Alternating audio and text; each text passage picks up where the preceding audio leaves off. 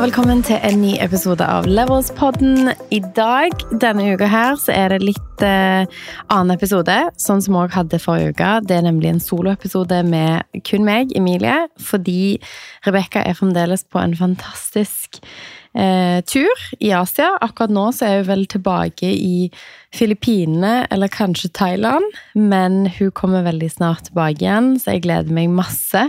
Både til å få henne tilbake igjen, men òg for å kunne være sammen i studio og spille inn nye episoder. Vi har masse spennende gjester på eh, kalenderen for det året som kommer. Vi har jo en kombinasjon av både det å ha episoder sjøl, eh, oss to, men òg det å invitere gjester inn i studio for å høre deres eh, erfaringer både med økonomisk uavhengighet, det å bygge en bedrift, eiendom, flipping, oppussing, det å starte egen bedrift og mange andre spennende temaer. Så hvis du som lytter til denne podkasten kunne tenkt deg å delta i en Levels-episode, så må du bare sende oss en DM på Levels-podden på Instagram. Vi har kjempelyst til å høre mer om deres, eh, deres reiser. Eh, om det er noen spesielle temaer, eller om man har lyst til å fortelle litt om hvordan man har kommet i gang med sparingen sin, eller hvordan man har kommet ut av gjeld, forhandla på lønn. Veldig mange spennende temaer. Så ta gjerne kontakt. I dagens episode så fikk jeg et spørsmål eh, når jeg var i podkast sist gang. Da fikk jeg ganske mange spørsmål. Da gikk jeg gjennom en del av de, eh, men et av de spørsmålene som var gjentagende, var en oppdatering på min FIRE-reise. Eh, vi har jo hatt om FIRE før, og jeg syns at det temaet er spennende. Eh, FIRE var en av de tingene som gjorde at jeg på ordentlig ble interessert i personlig økonomi.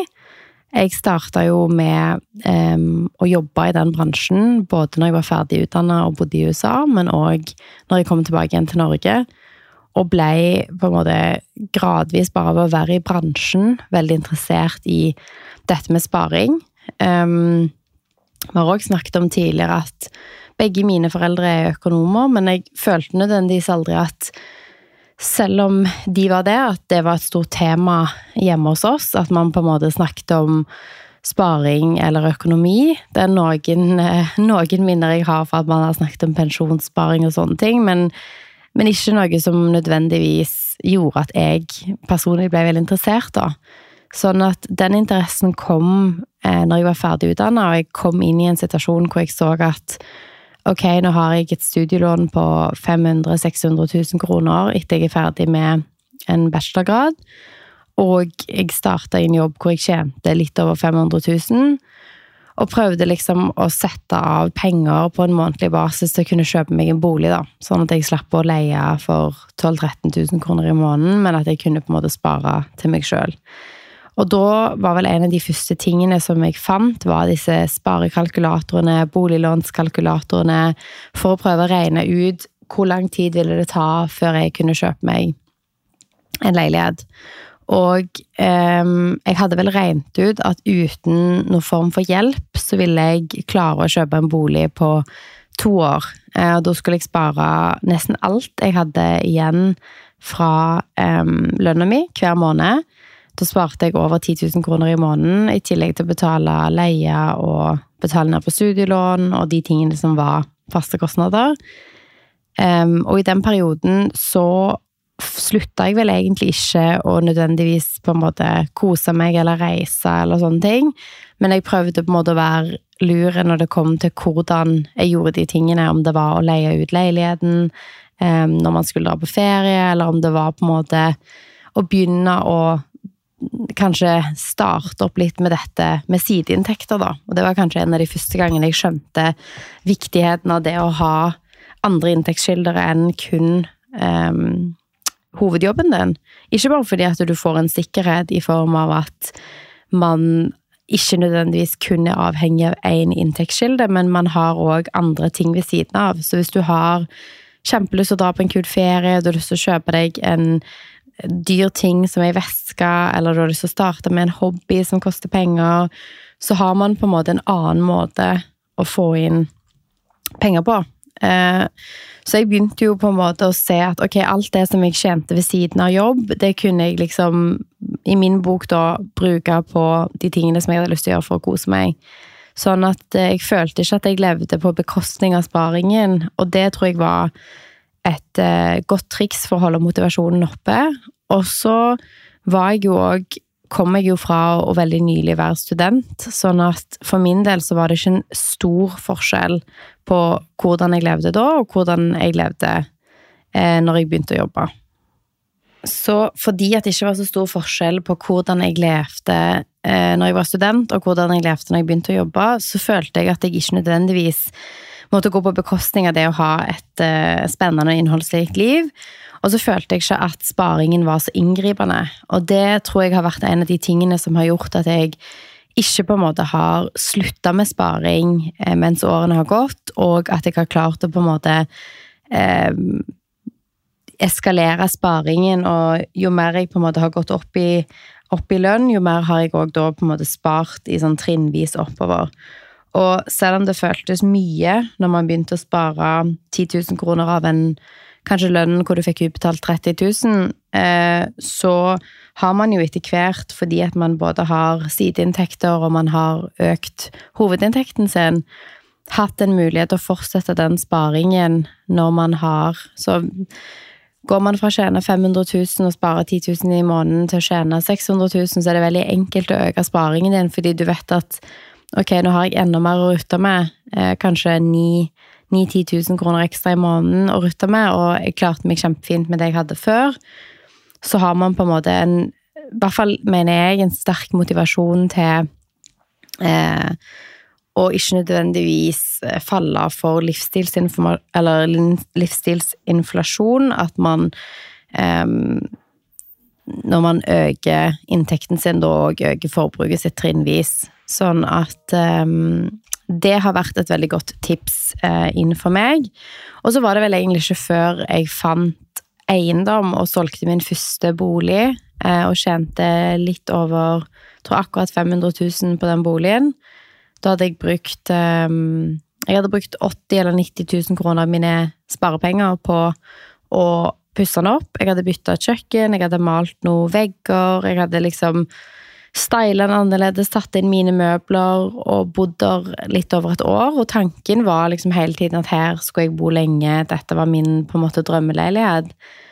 Og så var det vel egentlig litt tilfeldig at jeg tenkte ok, nå er det litt sånn Dette er en liten leilighet, de som oftest er salgsprisene greie, og nå var det litt sånn saktere i markedet, kanskje. Jeg hadde lyst til å få på en måte en, en um, eiendomsmegler inn for å få en verdivurdering for å se hva var det det på en måte harde arbeidet jeg hadde lagt inn, eventuelt kunne føre til, da? Hva var verdiøkningen på leiligheten?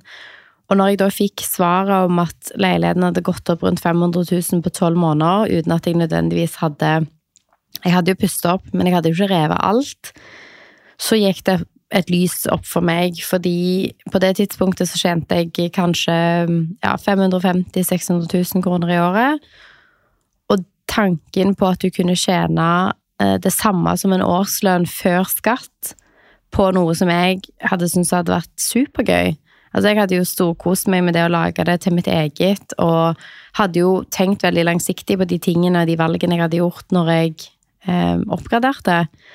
Og hadde ikke nødvendigvis tenkt at ok, hvis jeg bytter kjøkkenet her, så er det penger jeg får tilbake igjen, men jeg tenkte at eh, jeg har lyst på et kjøkken hvor jeg kan invitere gjester, hvor man kan være mange som lager mat, hvor du på en måte trives, da. I og med at leiligheten var så liten, så var liksom kjøkken og stua det som, eh, som var hjertet hjemme da. Så tanken var hele tiden at det eh, var gjort for at jeg skulle eh, nyte å bo i den leiligheten, da.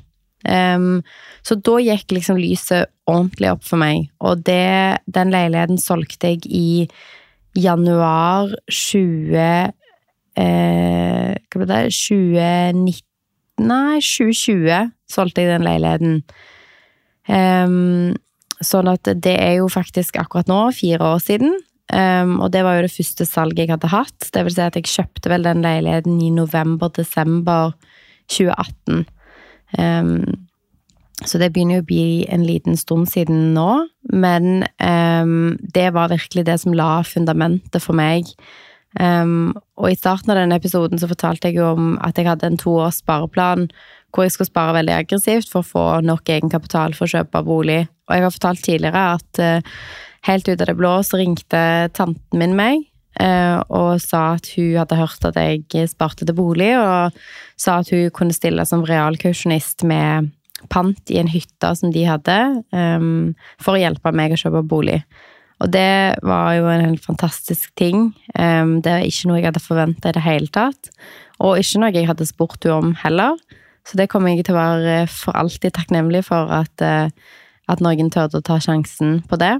Uh, og etterpå så um, kjøpte jeg jo den leiligheten som jeg nå har fortalt om at jeg puster opp, og jeg refinansierte vel ut hun og onkelen min fra det lånet um, jeg tror med liksom papirarbeid og den tiden det tok å gjøre det, så, så var det vel kanskje 90 dager eller noe sånt. Uh, og det var den hjelpen jeg på en måte trengte for å komme i gang, da.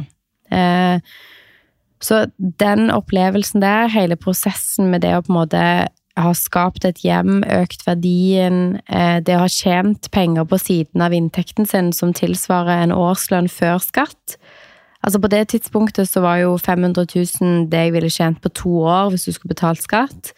Eller i hvert fall ett og et halvt. Um, så det var virkelig en sånn Den tingen som åpna øynene mest for meg.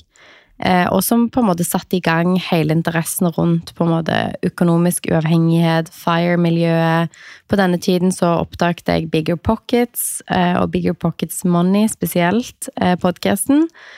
Og leste bøker som Rich Dad, Poor Dad um, og eh, Set for Life av Scott Trench. Og litt forskjellige bøker som på en måte fikk opp øynene mine litt for dette med at man ikke nødvendigvis trenger å jobbe hele livet, og at man faktisk kan rigge seg sånn økonomisk for å kunne være, eh, egentlig leve av de pengene man har satt i fond.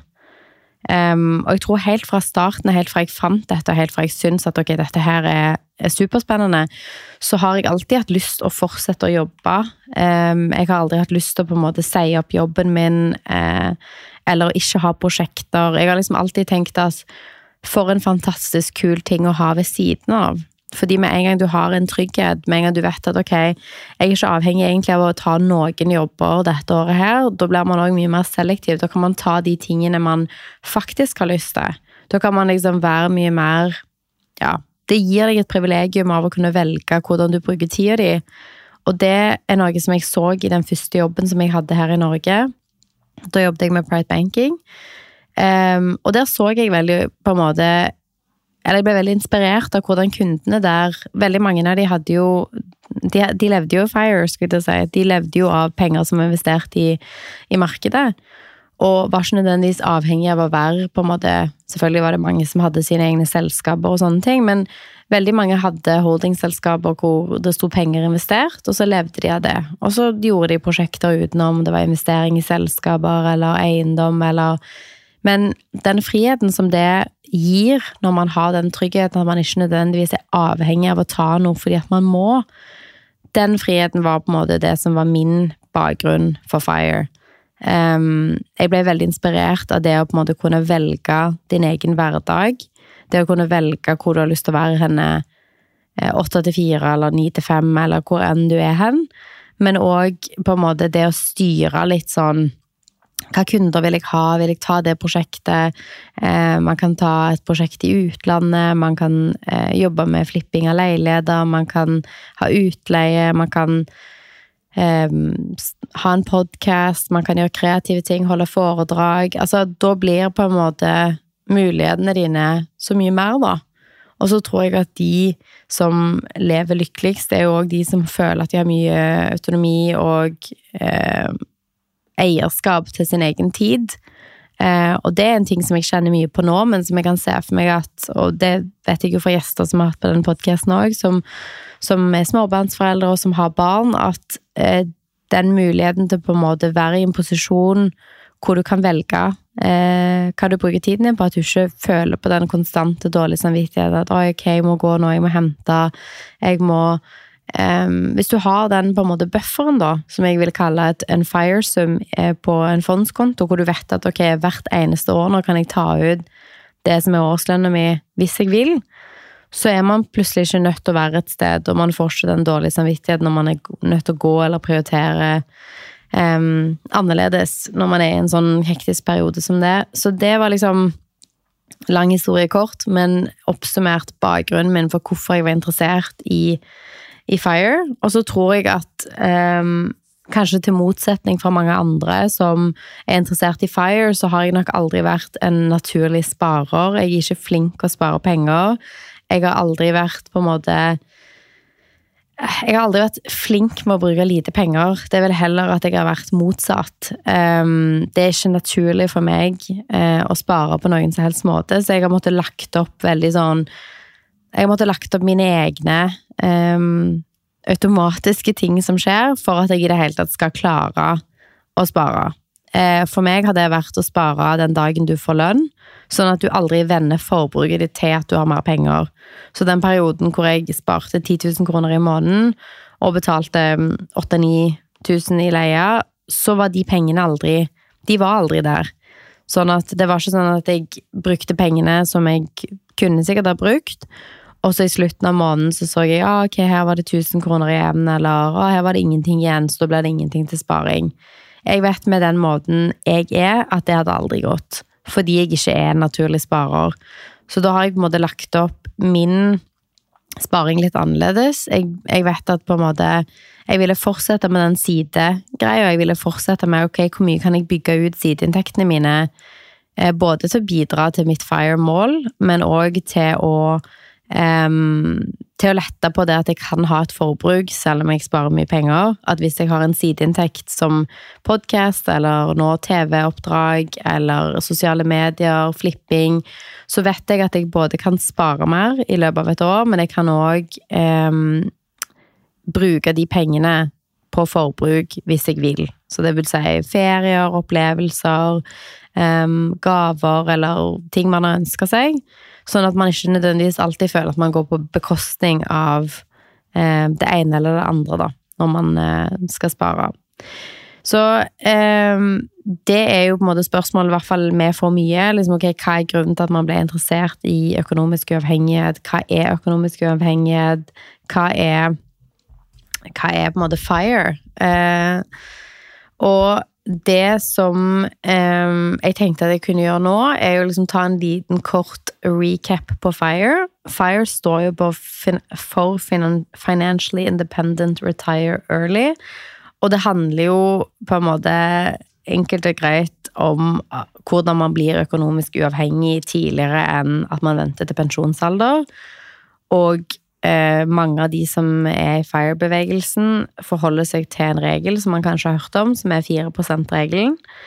Eh, og det er en regel på hvor mye, eller hvordan man regner ut hva man er nødt til å ha investert i fond for å kunne leve utelukkende av avkastningen. Og da det 4 %-regelen. Så hvordan kan man ha nok i fond til at man kan ta ut 4% ca.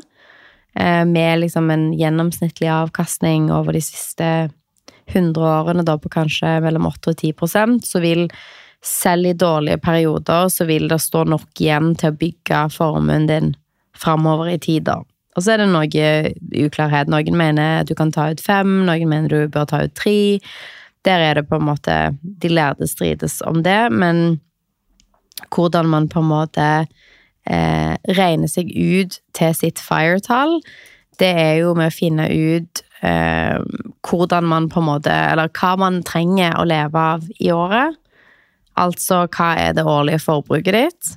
Eh, og der tror jeg en god pekepinn kan være, fordi man ikke vet hva som kommer i framtiden, så er det lurt å, å, ta litt i. At du ikke tenker sånn 'Å, men jeg kan sikkert leve på 200 000 i året hvis jeg ikke har boliglån, hvis jeg ikke har Prøv heller, eller sånn tenker i hvert fall jeg, at jeg tenker at ok, um, med en relativt høy inntekt og en um, en ehm, Ja, da betaler du mye skatt òg hvis du har en høy inntekt.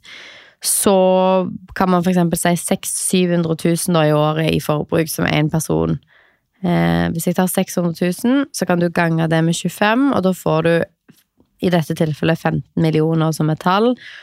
Hvis jeg skal opprettholde et forbruk på 600 000 kroner i året på ubestemt tid, så kan jeg eh, gjøre det hvis jeg har 15 millioner i fond og tar ut 4 Så kan man jo si at ok, mitt mål er jo ikke å leve 100% av FIRE-tallet mitt. Så sier jeg at jeg eh, tar 500 000, da, eller 450 000. Det tilsvarer jo en inntekt på, på ja, 900 000 med 50% skatt, cirka.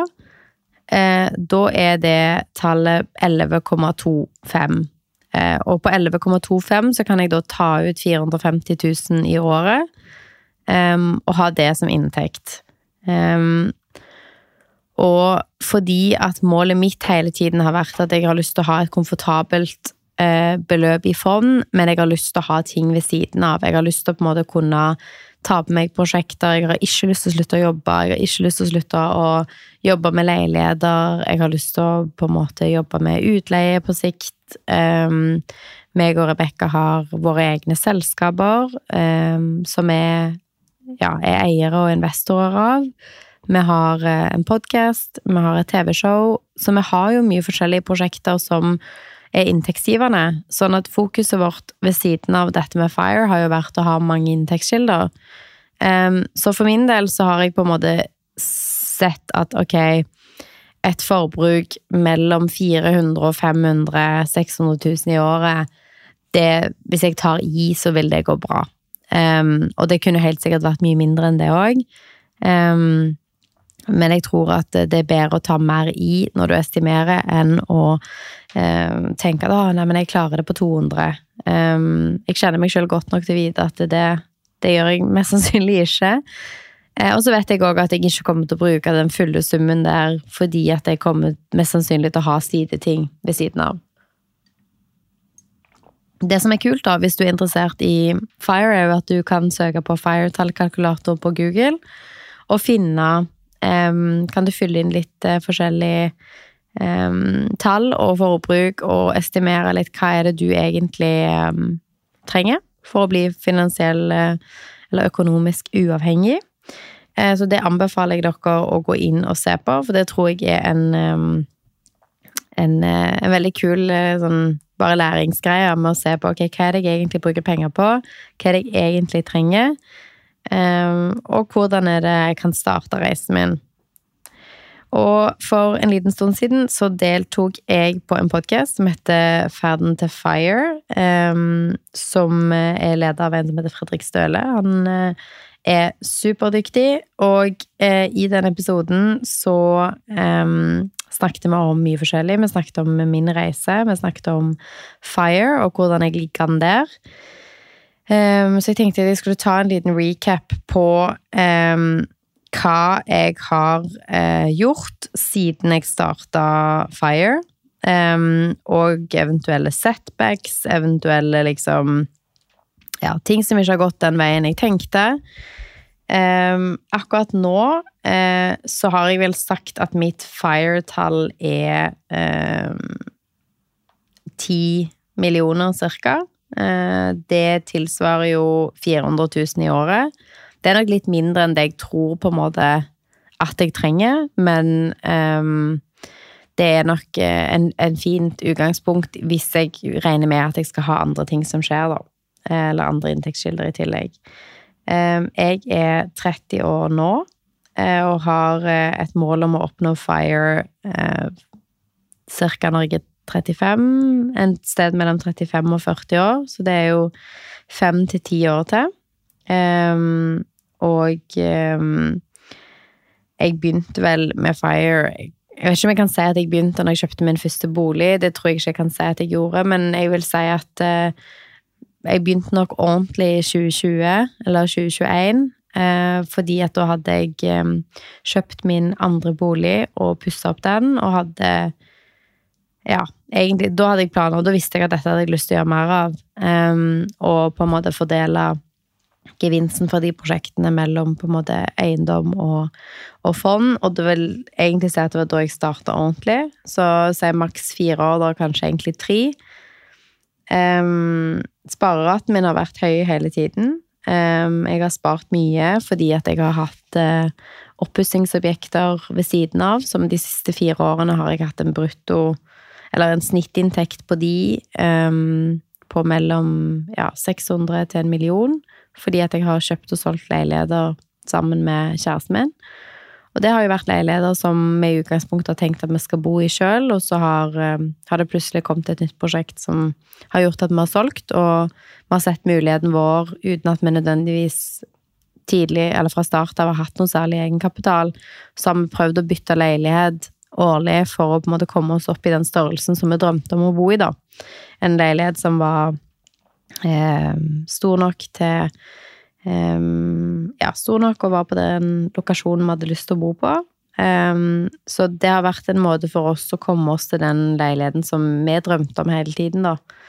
Uh, I tillegg til at det har på en måte selvfølgelig vært ekstremt, ekstremt hardt arbeid. Det tror jeg ikke man sier nok, men oppussing og flipping er time på time på time, altså hundrevis av timer med drittungt arbeid både Håvard og meg har jo stått på og båret tonnevis med materialer. Kanskje Håvard mest, selvfølgelig, men det er, det er, enkelt å tenke at å, herregud, man har tjent en million på å kjøpe og selge et prosjekt, men jeg tror ikke man ser alle de usynlige timene og arbeidet som ligger bak. Um, jeg vil jo si at fordi at eh, det er noe jeg syns er superinteressant og gøy, spennende, ekstremt lærerikt, så syns jo jeg at det er veldig givende. Men ehm, det er absolutt noe å ha litt i mente. Men mitt årlige investeringsmål eh, for de neste fem til ti årene er jo da å eh, spare egentlig alt fra, eh, fra det man tjener på, på eiendom ved siden av, inn i fond, i tillegg til å spare en sum av min faste inntekt og eventuelt overskuddene fra andre prosjekter som jeg gjør, da. Um, så hvis jeg skal ta sånn cirka hvor jeg ligger an nå, så har jeg um, eiendom uh, for cirka Ja, eller nå tror vi Nå har vi ikke fått en ny verdivurdering på vår leilighet nå. Uh, det skal vi faktisk få en megler på besøk i morgen, eh, for nå er vi ferdig med oppussingen helt. Så det blir veldig spennende. Jeg har et lån på den boligen på eh, ca. 3 millioner. Um, og når vi kjøpte leiligheten, så kjøpte man for syv-seks. Vi har pussa opp eh, Nå er jeg ikke helt sikker på hvor mye vi har brukt ennå, men vi har vel estimert med tanke på størrelse på leiligheten at vi ligger et sted mellom eh, 11,5 og 12 millioner i verdi.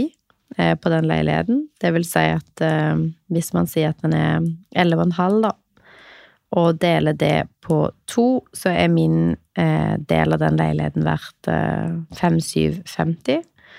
Og hvis jeg tar minus det jeg har i lån, så har jeg 2,75 millioner i egenkapital på den leiligheten. Og hvis han da går over det, så er jo det bare en bonus, og da har man, eh, da har man litt mer enn det. Um, og det vil si at sammen med Da har jo Håvard òg tilsvarende, da. Så til sammen så har vi jo um, en del av vår fellesformue i eiendom.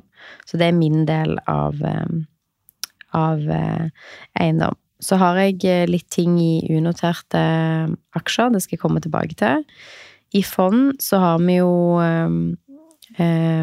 satt inn underveis. Men vi har jo òg, det har jeg jo forklart tidligere òg, at selv om man prøver å sette inn halvparten, halvparten, så har man jo Si at man har tjent 500 000, da. Eller si at man har tjent, for å gjøre det enkelt eh, Man har tjent en million på eiendom, så da i min i min måte å gjøre det på, så skal jeg da dele opp det. 500 000 skal inn i fond, og 500 000 skal inn til neste prosjekt. Men det som i realiteten skjer, er at vi trenger 500 000 mer i egenkapital fordi vi skal kjøpe et dyrere prosjekt. Men det man ikke på en måte tenker på, er jo at ofte så kjøper vi noe nytt og selger i samme prosess. Så vi har ikke fått oppgjøret fra den forrige leiligheten før vi går i gang med det nye. Så i realiteten så bruker vi jo de resterende 500 da, som vi i utgangspunktet skal sette i fond. Der bruker vi jo kanskje en stor del av det på å pusse opp den nye leiligheten. Gjerne ikke alt, men med noe, og så setter man noe inn i fond, og så bruker man noe på å pusse opp det nye prosjektet, og så låner man gjerne litt opp på det nye prosjektet for å fullføre oppussingen. Så på grunn av det så har jeg jo aldri i realiteten satt inn 50% fordi at man hele tiden har vært i en prosess hvor man står mellom. Og det er vi jo nå òg. Vi har akkurat blitt ferdig å pusse opp leiligheten, og det har vi jo gjort med midler som sto på konto. Så da har vi jo gjerne fått ut penger fra den forrige leiligheten. Jeg tror vi begge fikk ut eh, litt over 700 000-800 000. Um, og det har vi jo da brukt begge to på å finansiere oppussingen uten å låne noe opp på, på den. Så har satt, jeg har satt et mindre sum inn i fond, men uh, vi har jo brukt det så før vi på en måte refinansierer den leiligheten, så vil vi jo ikke få de pengene tilbake. Eventuelt at vi selger, da. Så det er jo den situasjonen man er i når man hele tiden gjør en oppussing på sin egen bolig, at ja, man har i hermetegn tjent pengene, men de går på en måte rett inn i et nytt prosjekt, eller rett inn i en ny oppussing. Så det er veldig sjeldent at jeg sitter igjen med følelsen at ah, ok, nå har jeg tatt ut Nå kan jeg liksom lene meg tilbake igjen og, og føle at jeg eh, sitter godt i det. Vanligvis så uh, bruker man jo de pengene man har tjent, rett inn i noe nytt for å prøve å, å bygge seg opp raskere, da. Så akkurat nå um, så ligger jeg jo bra an i forhold til det som jeg har um, Som jeg har sagt at målet mitt er. Um, på inntektssiden så ligger jeg bra an i forhold til inntekter i mitt enkeltmannsforetak og um, andre prosjekter utenom, så det er jeg fornøyd med. Uh, I forhold til den summen som jeg har i fond, så endte jeg opp med å måtte bruke en del mer enn det jeg hadde planlagt på oppussingen. Så det var en liten strek i regningen, og det er jo litt sånn som man um, ja, det kan man ikke planlegge for. Jeg husker når um, jeg deltok i den podkasten som jeg nevnte tidligere, så var planen å sette inn mer i fond og ikke ta ut. Og så har man brukt litt mer på den eh, oppussingen enn det man tenkte. Så da går det rett og slett um, Da går det ikke an å sette det inn. Da må man egentlig bare prioritere å kjøpe materialer, betale for rørlegger, gjøre de tingene man skal. Og så um, kan man heller på en måte eventuelt låne opp når man er ferdig, da. Så akkurat nå så har jeg litt over 1,3 eh, i fond. Så det er litt mindre enn det jeg hadde estimert. Jeg hadde estimert at det skulle ligge på rundt 1,6-1,7, og det er da de pengene som har gått til oppussing istedenfor. Men da håper jeg jo selvfølgelig at uh, fordi at vi har lagt inn eh, litt mer på denne, og vi ikke har lånt noe opp for å dekke det, så kan vi jo òg på en måte, når man er ferdig, selvfølgelig betale seg litt tilbake igjen for det, da. Så det er jo penger jeg eventuelt kan sette inn på et senere tidspunkt. Og så, um, i tillegg til det, så har jeg um, Ja, det er jo lite, da, men jeg har rundt 40 000 på enkeltaksjer i Nordnett, og så har jeg 30 000 i unoterte aksjer gjennom Folkinvest i tillegg. Så rundt um, ehm, 1,4 der. Og som dere ser, så er jo målet mitt å ha eh, 10 millioner i fond eh, mellom fem og ti år fra nå. Sånn at det vil si at uh, når vi nå refinansierer den siste leiligheten vår, så vil det jo bli en ganske god del mer i fond, fordi at jeg tar ut og betaler sjøl tilbake igjen for den oppussingen vi har gjort. Um, sånn at um, da er jeg jo litt nærmere. Um, jeg har et mål i år om å bikke to millioner spart i fond. og store deler av det vil jo være at vi betaler oss tilbake igjen for det siste prosjektet som vi har gjort nå. sånn at det blir litt mer synlig det vi, det vi egentlig har lagt inn, da. Uh, så er det klart at man kan løse det på andre måter enn det vi meg og Håvard har gjort, med å ikke sjøl dekke kostnadene oppussing hver gang, men at man tar ut og faktisk setter inn i fond, kontra at man tar ut og så bruker man det på neste prosjekt. Men da går det jo igjen litt seinere, da. Så det er et valg vi har tatt for å kunne ta litt større prosjekter og kunne eh, forhåpentligvis jobbe oss litt raskere opp fra leilighet til leilighet. Så det var en liten status eh, for hvordan det går eh, på min eh, FIRE-reise. Jeg har jo på en måte selvfølgelig dette målet om, om 10 millioner eh, framover i tid, men det er veldig viktig å påpeke at for meg så handler det mest om å ha et stort nok beløp der til at jeg komfortabelt på en måte kan ta ut en lønn hvis jeg trenger det. Og så er jo målet aldri å egentlig trenge det, men å på en måte skape seg den friheten med å ikke være avhengig av å ha en, eh, en, jobb hvor du får ut en lønn. Nå er jo meg og Rebekka heldige begge to med at vi jobber i eget selskap. Så vi har jo mye av den friheten i dag, og begge oss to elsker eh, det vi holder på med, og er veldig glad i å jobbe. Så jeg kan ikke se for meg at Fire på noe sett kommer til å erstatte det for meg, men eh, at det bare kan være en sånn trygghet å ha ved siden av. Så det var en status fra min feierreise. Jeg håper at um, vi kan få høre deres reiser, hvordan dere starta, hvordan dere ligger an. Um, og så har jeg òg eh, veldig lyst til at noen av dere skal dele feierreisen deres på podkasten vår. Jeg synes det er ingenting som er mer inspirerende enn å høre andre folk snakke om hvordan de starta, hvordan det går, eventuelle setbacks og hva som er målet deres. Så hvis det er deg eller noen du kjenner, send oss en melding, for vi har kjempelyst til å høre fra dere. Og så eh, høres vi i neste uke.